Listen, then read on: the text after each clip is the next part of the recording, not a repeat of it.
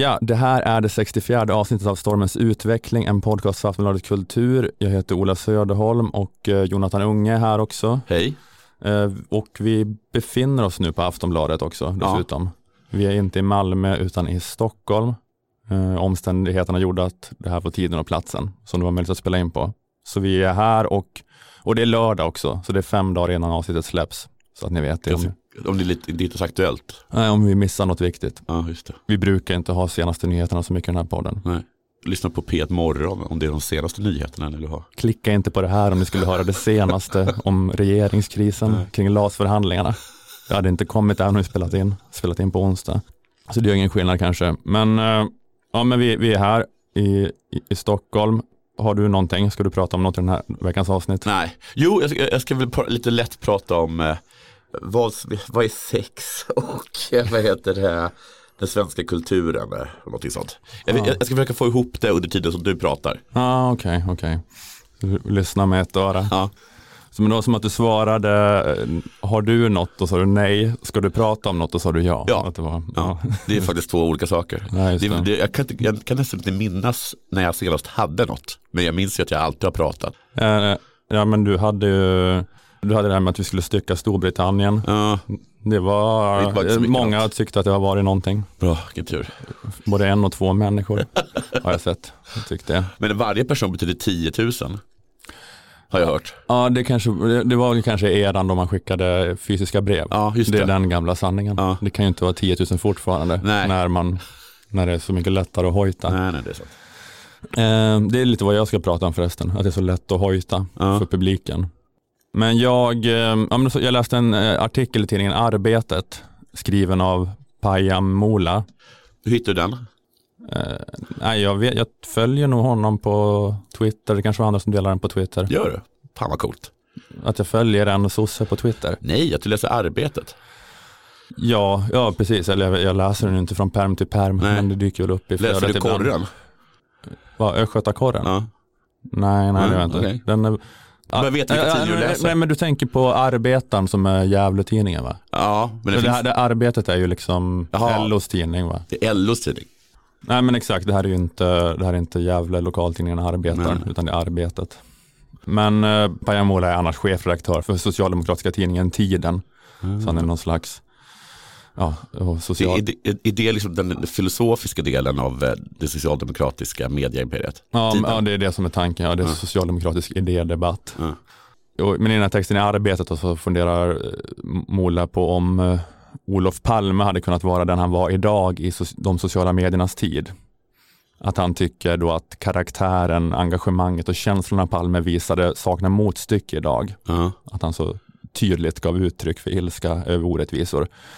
Men idag då är, är politikerna mycket blekare i sin framtoning menar han. Att de är mer så riskminimerade talepunktsrobotar. Eh, Och han tar upp ett exempel med någon socialdemokratisk politiker som han har haft ett samtal med på något möte. Och politikern imponerade på honom med nyfikna tankar, prövande resonemang, även modiga teser. Ja. Eh, Men att det var omöjligt i den här, enligt den här politikern att pröva de här resonemangen offentligt. Och då skriver Mola, inte på grund av kollegorna, en högre chef eller någon annan med piska i hand. Det jobbiga var sociala medier. Politikern kunde bli hånad och hårt kritiserad. Till en början hade jag svårt att ta in det här. Det faktum att självcensuren, för det är vad vi håller på med, inte längre kommer av ett tryck uppifrån. Inte i form av ett samtal eller möte med högre instans. Den nya rädslan kommer via notiser på mobilen. Vid närmare eftertanke kan man förstå varför. Ett samtal över på en kvart, ett möte på en halvtimme, notiserna i telefonen tar inte slut, samtal och möten är privata, sociala medier är offentliga. Där kan alla se vad människor skriver om dig, dina vänner och anhöriga, din partner eller dina barn. Och eh, ja, den, sen skriver eh, han, den begåvade politikern pratar med är inte ensam. Under ytan har många inom polit, politiken idéer och känslor. Glöden finns, men risken att blotta sig är för stor. Och eh, jag hoppar här lite i texten så att han avslutar så här. Jag, jag vet inte om en politiker som Palme hade kunnat vara Palme idag. Kanske hade kostnaden för hans mod, temperament och slagkraftiga formuleringar blivit för stor för att nå en hög position. Menar de då att, folk, att man idag inte vågar eh, liksom, eh, eh, yttra en, jag vet inte, kontroversiell eller, liksom, eller bara pröva en tanke som politiker för att man är rädd att liksom förlora väljare eller är man helt enkelt bara rädd för att bli retad? Ja, just det. Alltså är, det, alltså är, det någonting, är det en oro för liksom ens väljarstöd eller är det en oro över att man själv ska må dåligt för att man inte tycker om att bli retad Ja, precis. eller hånad Att eller är- hatad på? Man bara, ja, exakt. Det, det, är, eh, ja, det är lite olika saker. Att det hade kanske varit bra på det stora hela, men man blir så ledsen i, i ögat av att se Ja. alla smartskaft på Twitter hålla på att plocka Exakt. isär vad man har sagt. Men att, eh, om, Så. det, alltså, om det är så att det är på grund av så här, att, att, man inte, att man inte vågar testa saker för att det är bättre att hålla sig i mitten på något sätt så är det tråkigt såklart. Men om det är för att politiker inte vågar ta ställning eller, eller olika kontroversiella frågor för att de helt enkelt blir så himla ledsna av att bli retade. Då kan man ju förstå det. Men visst tycker man, jag vet inte, det låter lite mesigt också. Man är inte, nej, exakt, men det är inte bara eh, empati man känner. Nej, man jag, känner också, jag förstår dig din sillmjölk, så Ja. kan man ju säga. För jag är väl kanske likadan, men alltså, det är väldigt konstigt att inte uttrycka en åsikt som politiker Mm. för att man blir så himla ledsen när någon skriver, skulle du säga gamla fjärt eller något, sånt där, Ja. något ännu värre. det låter Usch ju, vad äckligt det lät. mm, precis, inte ett sånt bildspråk tack. Nej. men, eh, Måste de tuffa till sig? Ja, just det. Eh, det kanske är det som du brukar säga. Ja, ja men det låter lite harigt. Ja, men det finns ju de som, det finns ju typ så här, som Hanif Bali då, att han är inte ängslig. Nej, Han öser på och han är då, på ett sätt är han ju råpopulär, ja, fast han är ju inte så lyckad som karriärist i Moderaterna. nej. Han är väldigt långt från att vara minister, Ja. men han har sina hardcore fans då, Ja. han har en.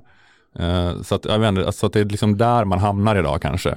Om man, om man är som Palme, att du blir, mer blir du, kan, bli, du, kan, du kan mer bli en stjärna, en, så här, en stor influencer, Ja. men det är svårt att bli en så samlande gestalt då. Eller? Men, det går, men är det, är det så att det går inte att vara en sorts politiker som kanske mest politiskt befinner sig i mitten och har en bred förälja, eh, liksom, väljarbas.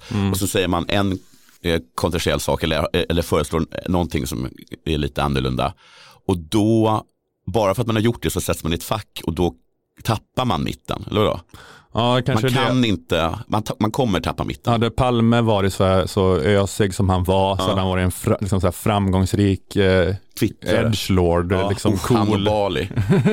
ja, precis, de hade kunnat vara på varsin kant Ja. och så bara vara de bästa tuppfäktarna Mm. ändå kanske. Och sen, men, eh, ja, men precis, men det kanske varit svårt för honom då att vara den här samlande gestalten, att då, ja men så kanske de mer är idag då, Ja. om man ska vara Ulf Kristersson eller sånt där, att man bara säger mindre och mindre och mindre. Men, men, ja, men, men det är lite då den här frågan som Mola lyfter då, att vad beror det här på? Att politikerna idag uppfattas som mindre förtroendeingivande, mindre karismatiska, mindre engagerade, mindre kompetenta. Beror det på att de är individer av lägre kvalitet Mm. eller är problemet strukturellt? Och jag, jag, har, jag, jag tänkte på det för att jag, apropå det här Mola skriver, så har jag hållit på att läsa om en amerikansk gubbe som heter Martin Gurry. Som, eh, han har jobbat för CIA i massa år som medieanalytiker Mm. och han så här, observerade då den här digitala revolutionen i medielandskapet och eh, hur den eh, destabiliserade samhällen och eh, han skrev en bok om det som kom ut 2014 som heter The Revolt of the Public. Och den har gett honom profetstatus för att han förutspådde Trump.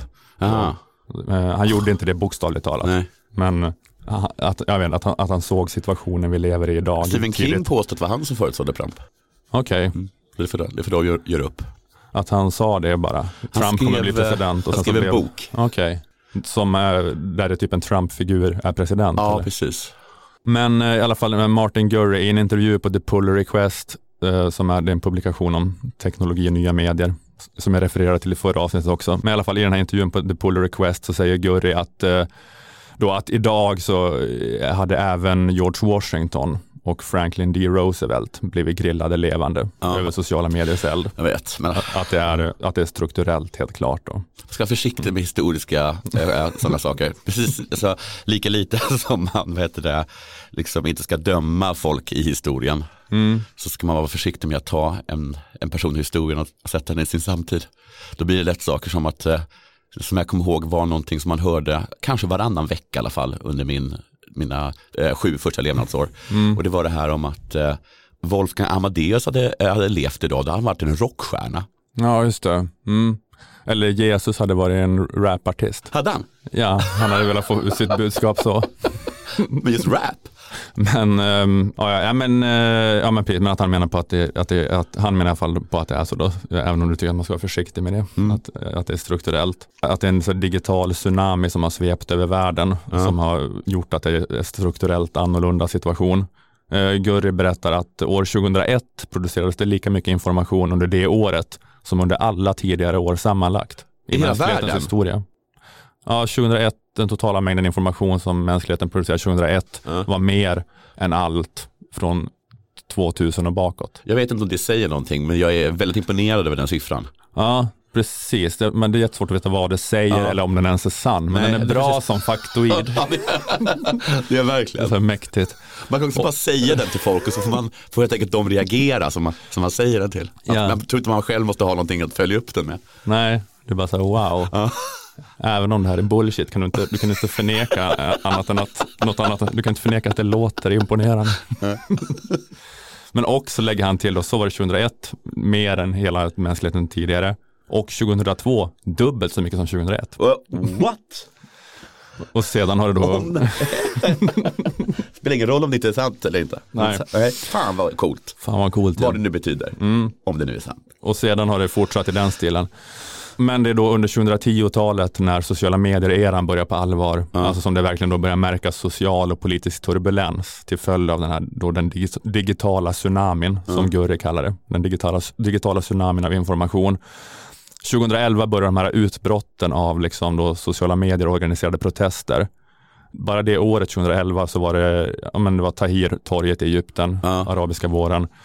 Det var tältprotesterna i Israel, det var Indignados i Spanien, det var Occupy Wall Street i USA. Den här typen av protester som kan uppstå väldigt plötsligt från ingenstans är det en miljon på gatorna. Men sen har de också ofta defekten att de mest bara är förenade kring vad de är emot. Mm. Och de, de har inget program, de har ingen tydlig struktur och ledare.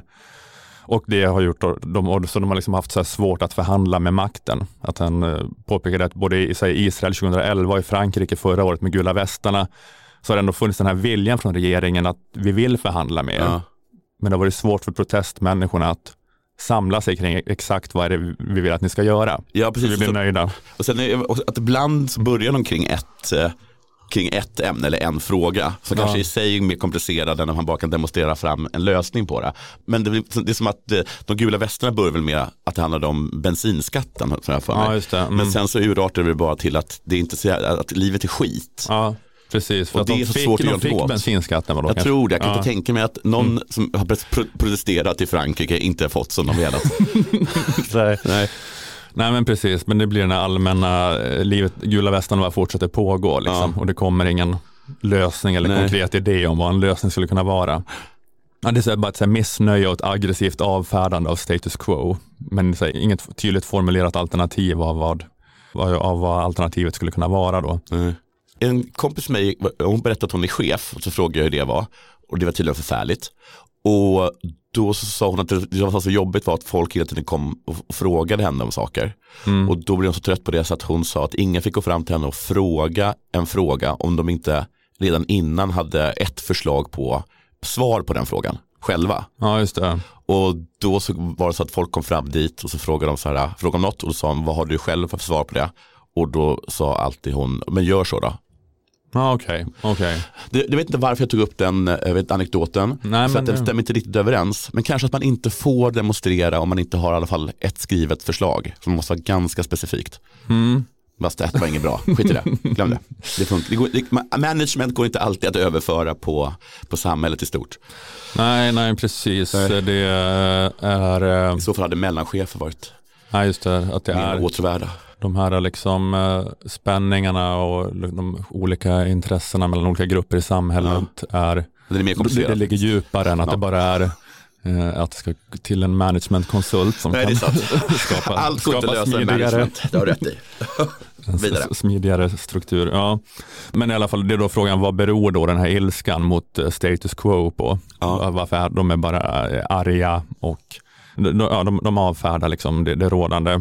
Varför är de så arga och missnöjda? Vad, är det som skapar de här utbrotten? Mm. Och det är säkert många saker, men en aspekt eh, Gurri lyfter fram är att, att det, är då liksom, det är en allmän kollaps för auktoriteter. Eh, politiker, media, akademin, experter. En, då som en, en kollaps till följd av att institutionerna från 1900-talet, från den industriella eran, de är kvar, men de kan då inte hantera det här nya digitala landskapet. Mm. För att han menar då att en sak de här gamla institutionerna krävde för att kunna ha auktoritet och legitimitet, det var ett monopol på information. Ja. Regeringen hade kontroll över information som ingen annan hade tillgång till. Om det var politiker hade tillsammans med de stora medierna tillgång till information som ingen annan hade tillgång till. Eller de hade ett semi-monopol på information i alla fall. Det var information som var väldigt mycket mer svårtillgänglig för vanliga människor. Mm. Och, och då hade liksom eliterna, akademikerna, journalisterna under den industriella eran, de hade ett stort eh, självförtroende. Alltså de pratade som experter, forskare och de gjorde så här stora påståenden om hur det är. Ja. Och de här liksom berättelserna om hur det är, de kunde bara upprätthållas om resten av oss inte hade hela bilden. Men nu har de tappat det här monopolet. Alltså den här tsunamin av information har möjliggjort för alla att hitta alternativ till alla narrativ. Ja. Att det, då, det finns inget så här härskarnarrativ som kan dominera på det viset som var möjligt på 1900-talet. Det finns liksom inte ett expertutlåtande om hur något är som kan vara förhärskande. Det finns Nej. alltid tusen experter och forskare som säger olika saker. Alltså, vilket ju verkligen märks med hela coronadebattkaoset. Sådär, att alla kan ha sin expert. Och det finns inte heller till exempel så en, en journalistisk berättelse om ett skeende. Att det vet man ju nu som lite så sofistikerad mediekonsument att varje gång en av de så stora traditionella mediejättarna presenterar ett nytt stort avslöjande, då ska man ligga lågt i några dagar innan man säger bu eller bä om det. Ja, ja. För det kommer börja smulas sönder. Ja. Alltså det är så lätt och snabbt för alla att ge sin version och föra fram sin information. Alltså vad det nu är, Estonia-dokumentären, Masai Saremba, Ja. avslöjande om svenska covidvården i DN. Vänta i ett par dagar Ja. och så kommer det så här, Står man det var inte så, Saremba det var, där med. det var inte så enkelt nere. som Saremba, Sarembas vackra historia med hans vackra ord. Nej. Det var inte. Men jag menar på 90-talet hade vi bara sagt, ja ja, Saremba, Ja. så här är det väl då. Det är han som bestämmer narrativet. Gud, jobbigt att vara just den, att, eh, för på det sättet är Westeremba den gamla tidens journali, journalist verkligen. På det sättet. Att, inte vara, att han är det i den här tiden. Men han, eh, det, går, han, det kommer gå bra för honom. Ja, precis. Ja, men han har väl säkert eh, fast uppdrag så att det, det är lugnt så. Ja. Men det är väl eh, Ja men det är just det här att, ja men förr hade vi varit med då att man, ja men det är väl exakt som DN eller SVT säger. Alltså Ja. så, såklart inte rakt av, det är klart att det Nej. kom motbilder. Men, men nu är det, som, det är så snabbt att en, en armé av amatörer Ja. som plockar isär allt som basuneras ut från elfenbenstornet. Liksom. Alla, skrik, alla, har lik, alla skriker från egna elfenbenstorn tillbaka. Men nu ska jag, kommer jag göra det, det som jag precis sa att man absolut inte ska göra. Alltså Mm. lyfta Falk, hålla på och leka med historien. Men det, det vore kul liksom om man, så här, om man tog Jan Guillou och IB-affären och placerade honom idag och se vad som, hur, den, hur den hade bemötts. Eller möjligtvis smulats sönder. Eller, jag vet inte, Mm. han som skrev den där Lort-Sverige eller någonting. Vad var Lort-Sverige för någonting nu? Det var något som åkte runt och berättade om hur, hur skitigt och eländigt fattigt Sverige var. Ja okej. Och sen bara två, tre dagar senare så svarade Hanif Bali med, med en jävla drapa. Det, ja just det. Det är, eh, det är liksom ren, rent, rent i Sverige. Får man veta då direkt. Så blev inte det något klassiskt avslöjande. Nej. Men det är just det då, eh, ja, men som du säger då att till exempel Saremba är gamla skolan och man plöjer på att, att det, det är enligt det är det som, det är det Gurri menar, ilskan består i mycket från, ilskan från the public består mycket i att eliterna beter sig som att de fortfarande har monopol på information, Ja. som att det fortfarande är 1900-talet och vi ska acceptera deras auktoritet, att de, liksom, att de ska kunna ha en envägskommunikation som förut, att de inte fattar att alla kan prata tillbaka och alla då kan se liksom att att, jag att de är nakna nu, de är bara lallare som vem som helst som har ett perspektiv. Ja. Och det kanske är bra eller dåligt, men det finns inga så här särskilda skäl till varför det skulle vara mer, det mer gudomligt upphöjda perspektivet. Nej. Att säga Uppdrag granskning plöjer på kanske, de fattar inte att alla de intervjuar nu spelar in intervjuerna själva. Nej, och de har egna kanaler, Ja. så direkt när de släppt avsnittet så går de ut och visar hur Uppdrag granskning har klippt exakt, Ja. hur de har vinklat och så vidare. Det är för svinbra. Men, Ja, jo, men det, Jo, jag, vet jag, säger, jag säger inte att det... Nej, nej, nej. Ja, Ja, mm. nej. Men, ah, shit alltså, det, det, det började med att de översatte äh, Bibeln till latin. Mm. Att, det, att någon sa så här, det här är ett slippery slope. Från latin till... Ja, från latin till, till det, det, det vanligaste, det folkspråken. Mm. Någon sa nog redan då att det här är ett slippery slope. Men det och den har, personen hade rätt. det, men det har, han har just med den så här, tryckfrihets eller liksom tryckpressgrejen och, Ja. och att Bibeln var på vanliga människors språk. Ja. Alltså det, det satte igång, att han, medan vi är Ja. lite inne i det nu, att det ledde då eh, att det var fruktansvärt de första 200 åren, typ tryckpressen. Vi, och nu kanske vi är lite inne i någon sån 30-åriga kriget-fas. Ja, okej, vi men sen, sen, kan det, sen kan det komma upplysningen Ja, utav ja. Det, att den positiva sidan sen. Jag har med att det nästan nu är som, liksom, som religionskrigen. För att Ja. plötsligt kan alla lä- läsa Bibeln och då blev hälften protestanter. Ja, Eh, och, och vi är, det här är religionskrigen nu. mm. Eh, Hanif Bali, är- är- vet han, Cromwell. Vi blev, hälften av oss blev realister. Ja. Blev det fullständig galenskap. Men eh, sen när vi liksom har lärt oss eh, leva med det här, Ja. eller på ett annat, då kanske det blir upplysningen 2.0. Just det. Ja men att, det, att den här ilskan består, eh, ilsk, att han menar att det är en del av ilskan mot eliterna nu då, att man, Ja. tror, att man, man tror att man kan plöja på och äga narrativet som förr. Att man bara tror att man kan så fortsätta med att inte lyssna. Och det blir också då att vi är i den situationen, menar Gurry nu, att, att the public, liksom då, att pöben bara har ett försprång på eliterna.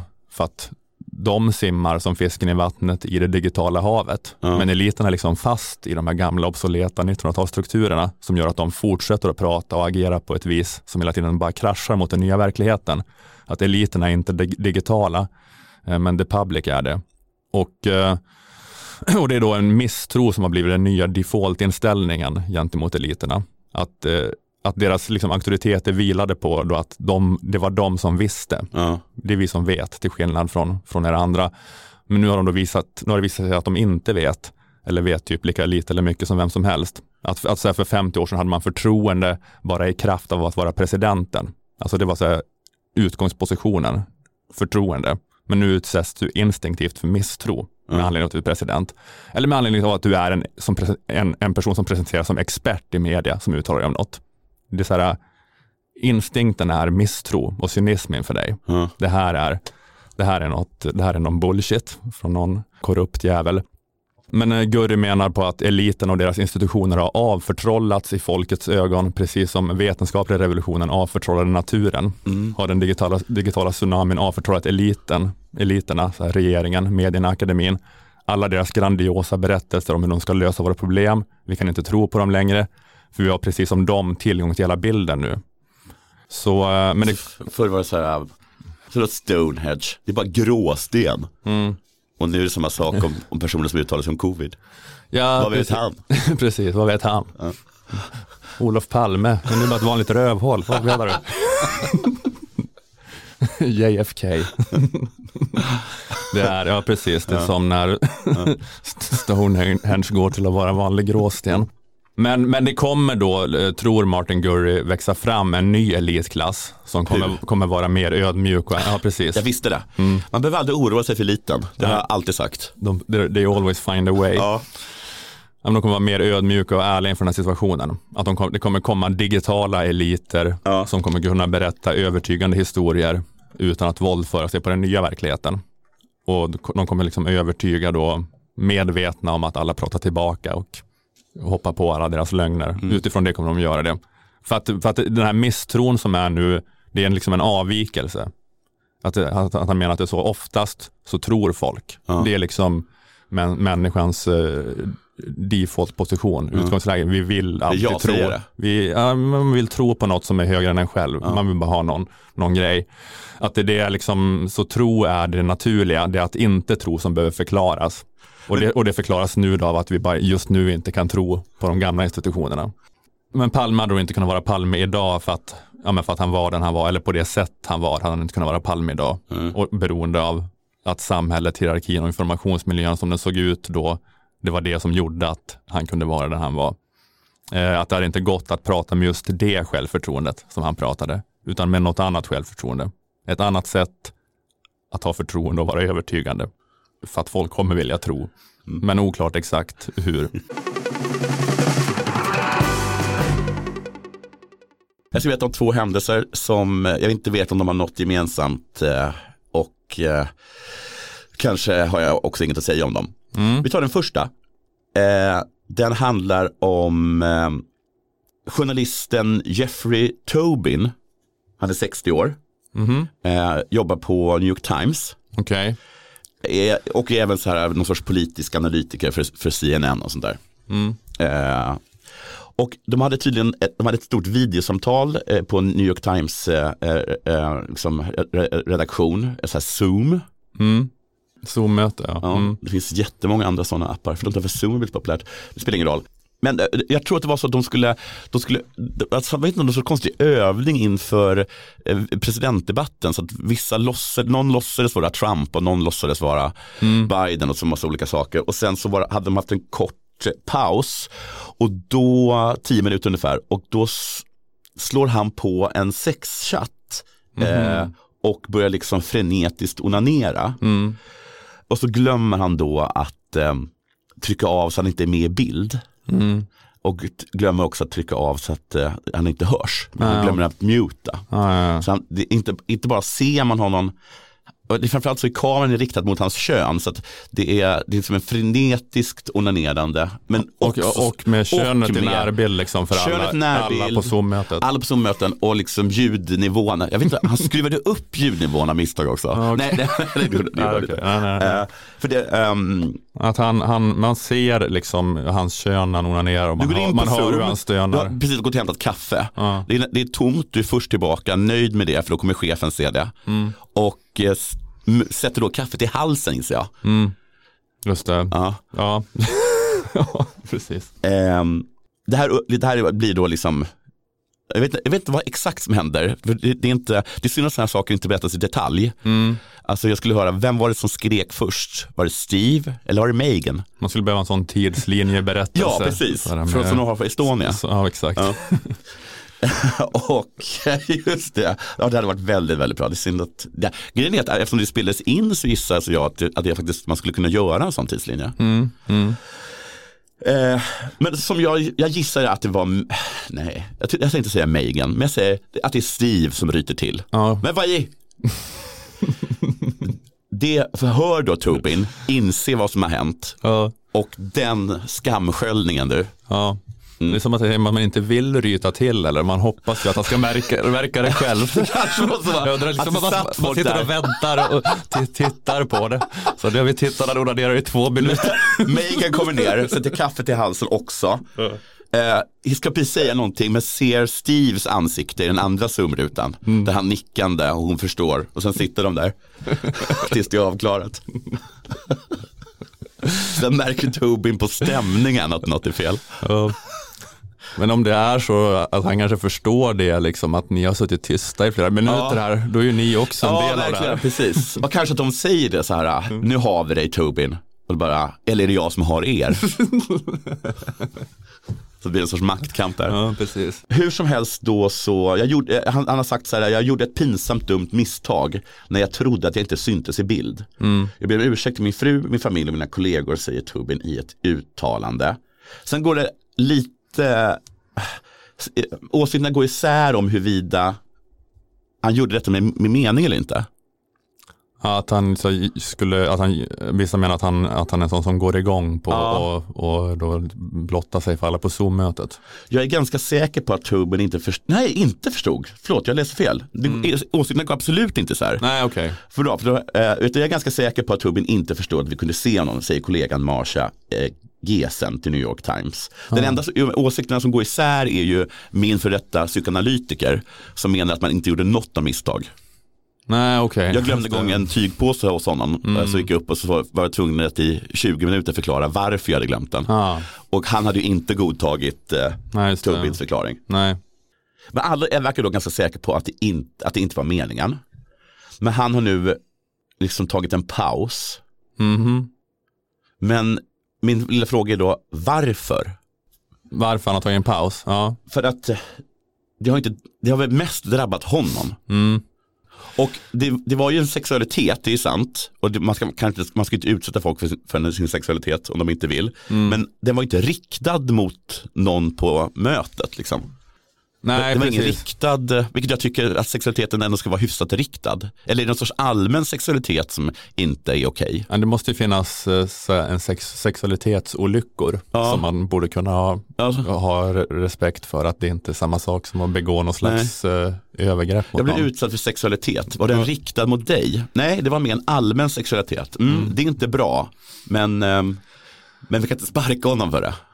Men har han fått sparken? Nej, det har han faktiskt inte. Nej. Han har bara tagit en, en, en paus liksom. Ja, okej, ja, men, om, det, men, men eh, jag kan tänka mig liksom att Alltså kanske att Steve och Megan skulle ha satt sig helt tyst Mm, och sen eh, faktiskt uppbådat eh, lite social kompetens och inte förmedlat någon stämning när han kom tillbaka. Eh, ja, Ja. ja. Ja, ja, exakt. Jag hade kunnat tänka mig att det skulle kunna vara en sån grej som bara alla tyst kommer överens om att nu säger vi inget om det här. Jag vill- Ingen vill prata om det här. Nej. Det här är bara ett helt sobet satt och tittade på någon som liksom bara onanerade färdigt. Ja. Och sen var det bara så här att han förstod att vi såg, Mm. eh, vi liksom såg, men det är här, ingen vill prata om det här. Nej. Det bara så här, okej nu kör vi mötet liksom. Och sen så tänker vi aldrig på det mer. Jag vill, ju Försöker. jag vill ju tro, för att den passar in i min saga om Sverige, att så hade det varit, att, om det varit ett svenskt Zoom-samtal. Nu vet jag att det absolut inte är så, för min nästa liksom, händelse motbevisar nämligen min då önskan om att hade Tobin varit, hade det varit DNs redaktion så hade, eller vi tar inte DN, Sverige, Svenska Dagbladet, Äh, vi tar Sydsvenskan, Ja. Eh, så ha- hade just liksom alla bara suttit där tysta och sen låtsas som ingenting. För att så gör vi i Sverige. Nu stämmer ju tyvärr inte det, Nej, okej. vilket då den här kommer eh, motbevisa. Eh, vi, eh, vi åker tillbaka till september, vi åker till Örenäs slott. Där har Hörby kommunledning eh, en konferens. Det är där och då det händer. Och det, vad som händer vet vi ungefär, men inte helt. Men det är konferens med allt vad det innebär.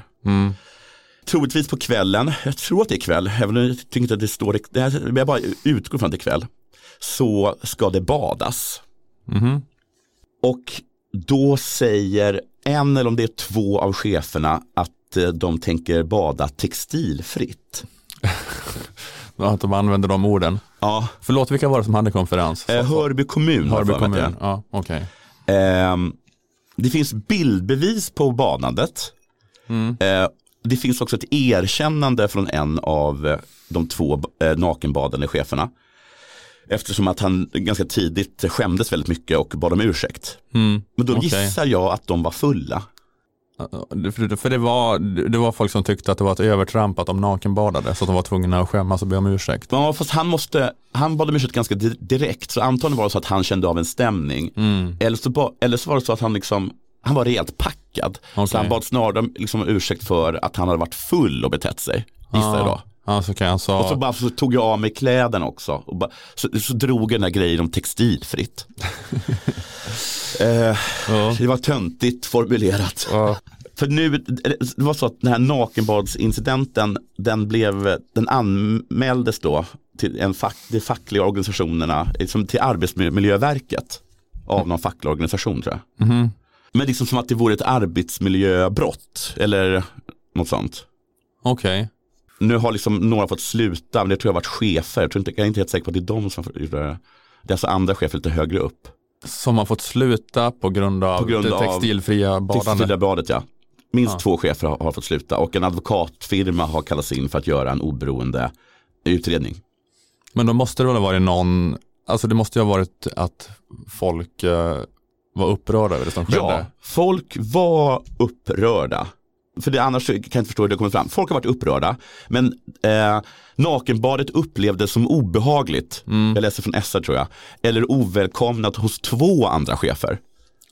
Det var tydligen fyra chefer tog bara naken. Den ena chefen blev vittne. Eh, den ena chefen som blev vittne badade själv med, med kalsonger. Eller baddräkt. Med textil då. Okej, men det, det var bara chefer där? Det var som Ja, ett, det, ett, mö- ledningen var ett, ett typ möte för Ja, ledningen? ja. Ah, Okej, jag förstår. Mm. Och den andra befann sig i närheten av poolen. Sen har också någon filmat det. Mhm. Eh, så det kan vara också att folk har sett liksom själva filmklippet och tagit illa vid sig. Mm. Eh, för de har sen det var en här advokatfirma då som kallades in. Eftersom att det tydligen blev det här en, en, en stor grej. Um, Jo, så här, övriga, så de här två chefer, det var två chefer upp, eh, liksom var där som vittnen. Men sen så har övriga, står det här, övriga konferensdeltagare som själva inte såg nakenbanadet tycker när de fick veta vad som hänt att det varit klart olämpligt. Okej, det är inga starka ord. Händelsen har också påverkat deras arbetsmiljö negativt. Med gliringar och skämt kring händelsen från allmänheten. Så det måste också ha kommit ut till allmänheten. Att arbetsmiljön för de som jobbar på konferensanläggningen. Eh, nej, Nej. eh, utan det är nu arbetsmiljön. Vad man menar är att arbetsmiljön har försämrats för det här har kommit ut Ja. till allmänheten och nu blir vi i kommunledningen retade av folk på ICA. Ja, okej, okej. Ja, just Så det.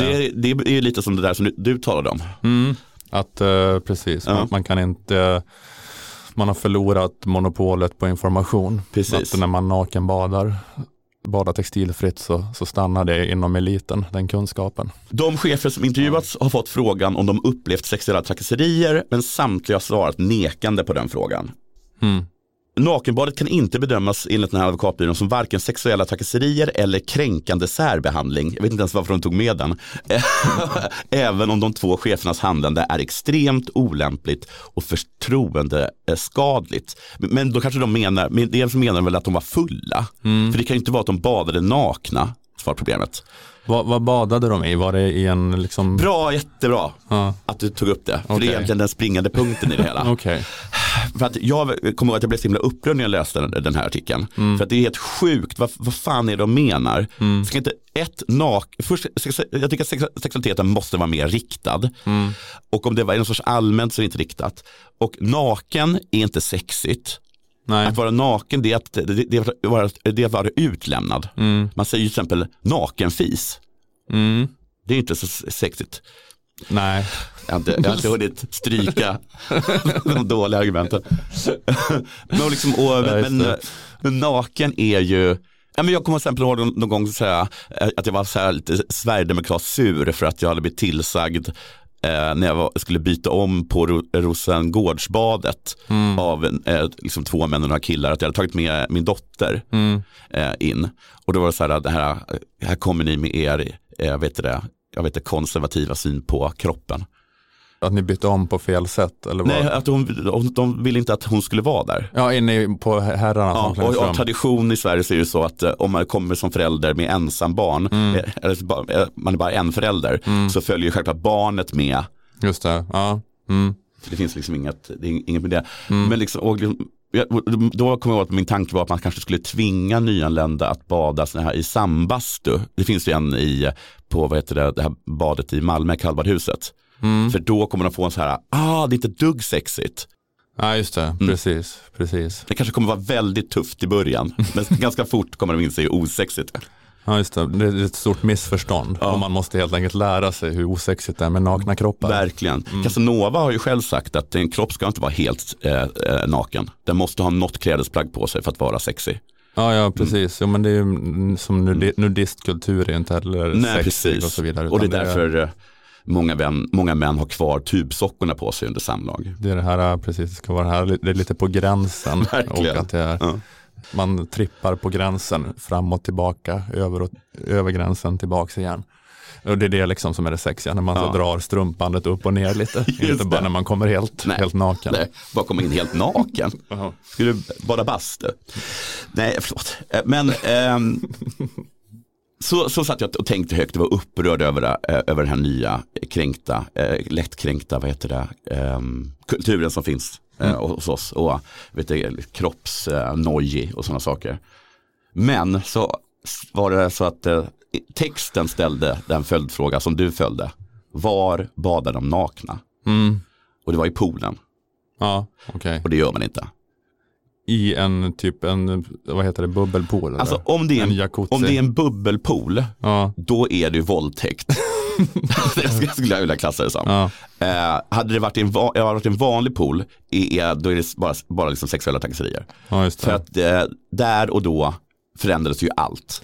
Ja, för du såg framför dig att de Alltså, så spr- spr- springer på kvällen. Jag hade till en glömt bry- det till en september. bry- Från, ja, de springer liksom från en, ja, men, man, De kom fulla ju. så Bara, Ja, de är fulla och bastar Ja. och så springer man ut Just i det, så kylan, såg springer jag. ner till en brygga Ja. och doppar sig. Ja. Då, är det ju, ja, då är det nästan, Ja. det vanliga är ju nästan att inte ha Ja. badbyxor då. Precis, kanske. någon säger så här, äh, är det någon som har beska droppar?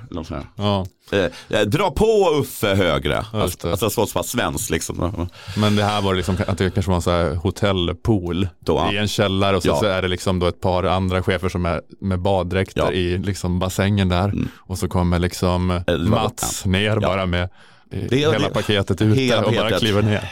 I alltså vatten med klor i. Och då Mm. vet jag att så fort man sänker ner ett könsorgan i klorvatten, då är det våldtäkt. Så är det. Mm. Och, det och det är orättvist liksom att, är det verkligen någon skillnad mellan en pool och en insjö?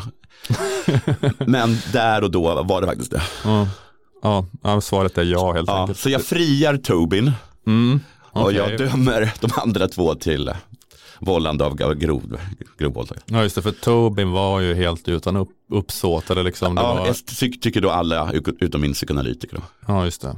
Men det här var, ja, vad, Nej, det, här var, det här var inte bra. ja, det, liksom, vad, menade det med att göra så här? Ja. Det är faktiskt, Nej. eh, eller var det kanske att de inte hade badbyxor? Jo, de hade, de hade badbyxor. Hade de det? I så fall hade de kunnat bada i kalsongerna. Ja, Det finns inga ursäkter. nej det hade, det hade nog varit bättre. Ja. Jag tror också att det var en spa-avdelning och då vet jag att de nästan alltid har dem som man kan låna eller köpa. Men de har inte fått sparken eller var det Ja, jag tyckte- jag hög, tyck- deras, deras chef har fått sparken? Deras chefer. För, För att de inte har kunnat hålla, hålla efter att, att de har textiler när de badar. Ja, det, det, ena, det ena har gjort är så fruktansvärt så att vi måste liksom straffa någon högre upp. Vi kan, inte, vi kan liksom inte sparka en mellanchef för det här. Folk var liksom så, alltså, det, det, alltså att gå, in, gå ner naken i en pool, det, det, folk blev så upprörda för folk skrek efter liksom att man var tvungen liksom att göra ett vinterblot. Alltså dra ut kungen ur slottet och klä av honom naken och hänga upp honom i ett trä liksom, för att liksom få förlåtelse från de höga makterna. Liksom. Vi behöver, ja, ja, man, man, behöver man, vi behöver större offer. Ja, större offer. Det det kan, det kan inte bara. vara Mats och Nej, Kenneth. inte bara Mats och Kenneth. Utan det måste vara. De kan få hänga bredvid, men absolut inte ensamma. Det, är, vi kommer liksom inte, det kommer bli missväxt fem år i rad om inte, om inte chefer högre upp offras för det Vi här. behöver en vit hingst. Kungen. Det var stormens utveckling för den här gången. Eh, tack till Aftonbladet Kultur. Vi är tillbaka om en vecka igen. Hej då. Hej.